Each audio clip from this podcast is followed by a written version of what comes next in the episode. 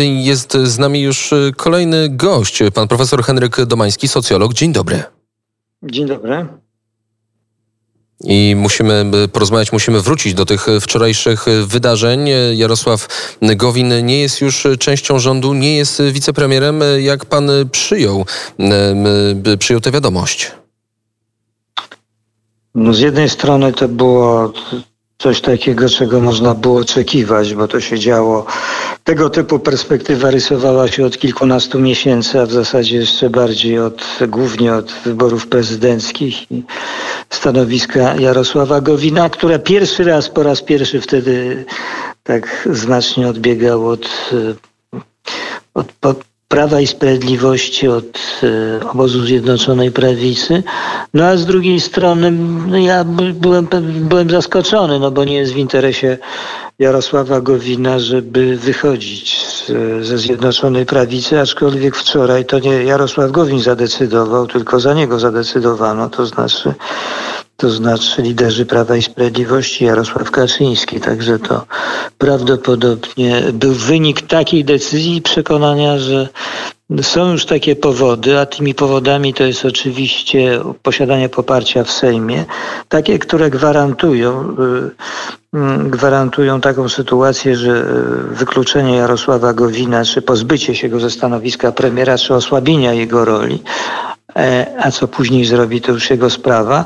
To jest e, jedna sprawa, ale głównym, e, głównym impulsem do takiego działania, jakimś uzasadnieniem, to jest posiadanie większości w Sejmie. Jeżeli taką większość uda się pozyskać, a widocznie liderzy PiSu doszli do wniosku, że tak i podjęli na pewno określone działania, no to, to tego typu decyzje w końcu po kilkunastu miesiącach podjęto. I tu mamy deklarację wicerzecznika Prawa i Sprawiedliwości Radosław Fogiel. Powiedział, my Zjednoczonej Prawicy nie zamierzamy kończyć, współpracujemy z kolegami z Solidarnej Polski, współpracujemy z posłami, którzy są niezrzeszeni i mamy nadzieję, że będziemy współpracowali także z porozumieniem, jak rozumiem, z posłami porozumienia. Prawdopodobnie miał na myśli potencjalnie rzecz biorąc wszystkich posłów, łącznie z Jarosławem Gowinem. Jarosław Gowin już przestawał być wicepremierem i ministrem yy, I znowu rok temu. Bywał.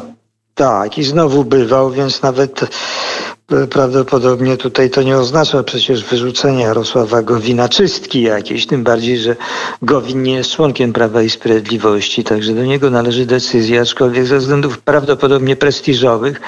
No poza tym już to oświadczył wczoraj, że, że to jest, jego zdaniem to jest koniec Zjednoczonej Prawicy, co by oznaczało, że koniec jego pobytu w Zjednoczonej Prawicy, więc tak to chyba trzeba interpretować.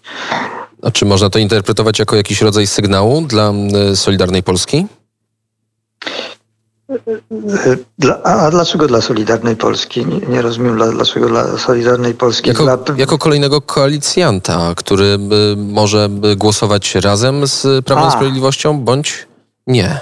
Nie, ja znaczy, byłem zaskoczony tym, co pan powiedział, bo jednak e, jeżeli mówimy już o rozchodzeniu się dróg Zjednoczonej Prawicy Jarosława Gowina, to Jarosław Gowin się rozchodził bardzo ze Zbigniewem Ziobrą. W zasadzie nie mieli żadnych punktów stycznych i wspólnych.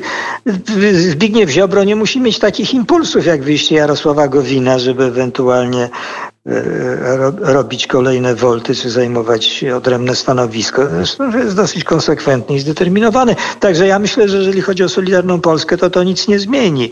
E, myślę, że Ziobro jest dosyć racjonalnym politykiem na tyle na i, i w tę rolę Jarosława Gowina tutaj nie wejdzie. I mamy zapewnienia e, Radosława Fogiela, wicerzecznika Prawa i Sprawiedliwości, że jest większość, jest to większość e, stabilna. Mamy też informacje płynące bezpośrednio od Jarosława Gowina. Od, jutro, czy od jutra, czyli od dzisiaj, porozumienie rozpoczyna działalność, która w jak najlepszy sposób będzie realizować interesy Polski. To jest cytat, więc jak może wyglądać najbliższa działalność porozumienia? Może wyglądać albo samodzielnie, albo w sojuszu z kimś. A tym kimś to jest chyba wszyscy się, większość z nas się zgodzi, może być tylko raczej najprawdopodobniej, o tak bym powiedział, PSL. Na pewno nie Lewica, no na pewno nie Konfederacja.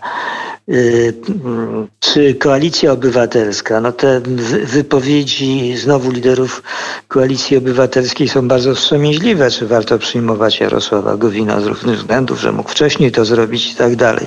W związku z tym chyba ta lokalizacja w PSL-u wydaje się dosyć prawdopodobna, tylko że no pojawia się znowu problem, czy Jarosław Gowin, czy ta część porozumienia, która z nim wyjdzie, ilu z nim wyjdzie, to jest w ogóle odrębna kwestia, o czym doskonale wiemy. Czy oni w ogóle są w stanie utworzyć czy w ogóle jakąś wyjdą? taką... Tak.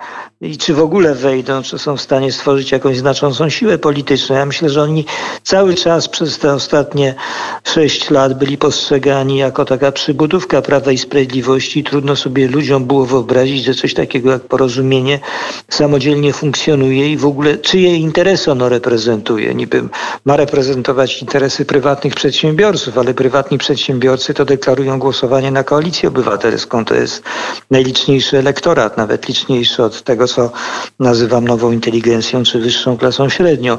Więc jeżeli Jarosław Gowin na przykład stale się odwołuje do tego, że broni interesu mm, y, właścicieli poza rolnictwem, rzecz jasna głównie, no to, to, to, to chyba trafia w próżnię. To jest takie nieprzekonujące i kiedy myślimy o mm, dalszych losach Jarosława Gowina i tego, tej części porozumienia, to naprawdę trudno tutaj y, ich umiejscowić na polskiej scenie politycznej. I Nad tym też zastanawia się Ryszard Terlecki. Na Twitterze napisał, Gowin przekombinował. Kto go przygarnie? Ktokolwiek to będzie, źle na tym wyjdzie. A jeżeli go nawet przygarnie, no załóżmy PSL, no to ulokuje go gdzieś na znacznie niższych pozycjach, przecież nie da mu stanowiska wicepremiera, żeby nie wiem co. E, taka rola już się dla Gowina skończyła, więc tutaj ten taki scenariusz, któryśmy tutaj zarysowali hipotetycznie, że kto wie, kto wie, czy Jarosław Gowin nie wróci, albo nie zostanie w jakiś sposób, albo znowu nie mm, będzie tutaj jakiegoś elementu symbiozy z PiSem i powrotu, z szansami powrotu na to stanowisko nie jest wykluczone. Mieliśmy do czynienia z tego typu, tego typu pseudotransferami w ciągu ostatnich lat przecież. Niewykluczone mogą być także przyspieszone wybory. O tym wspomniał przed chwilą w rozmowie Jan Krzysztof Ardanowski, że nie wyklucza takiego rozwiązania.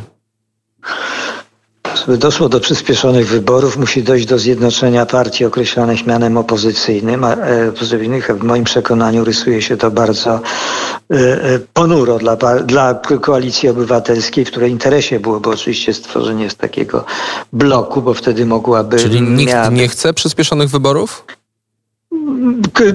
Przyspieszonych wyborów chce najbardziej Donald Tusk. On na to liczy. Liczy na takie działanie zaskoczenia. Myślę, że to jest dla niego jedyna szansa. Czy koalicja obywatelska gremialnie liczy na przyspieszone wybory, to to ja nie wiem, ona jest bardzo podzielona.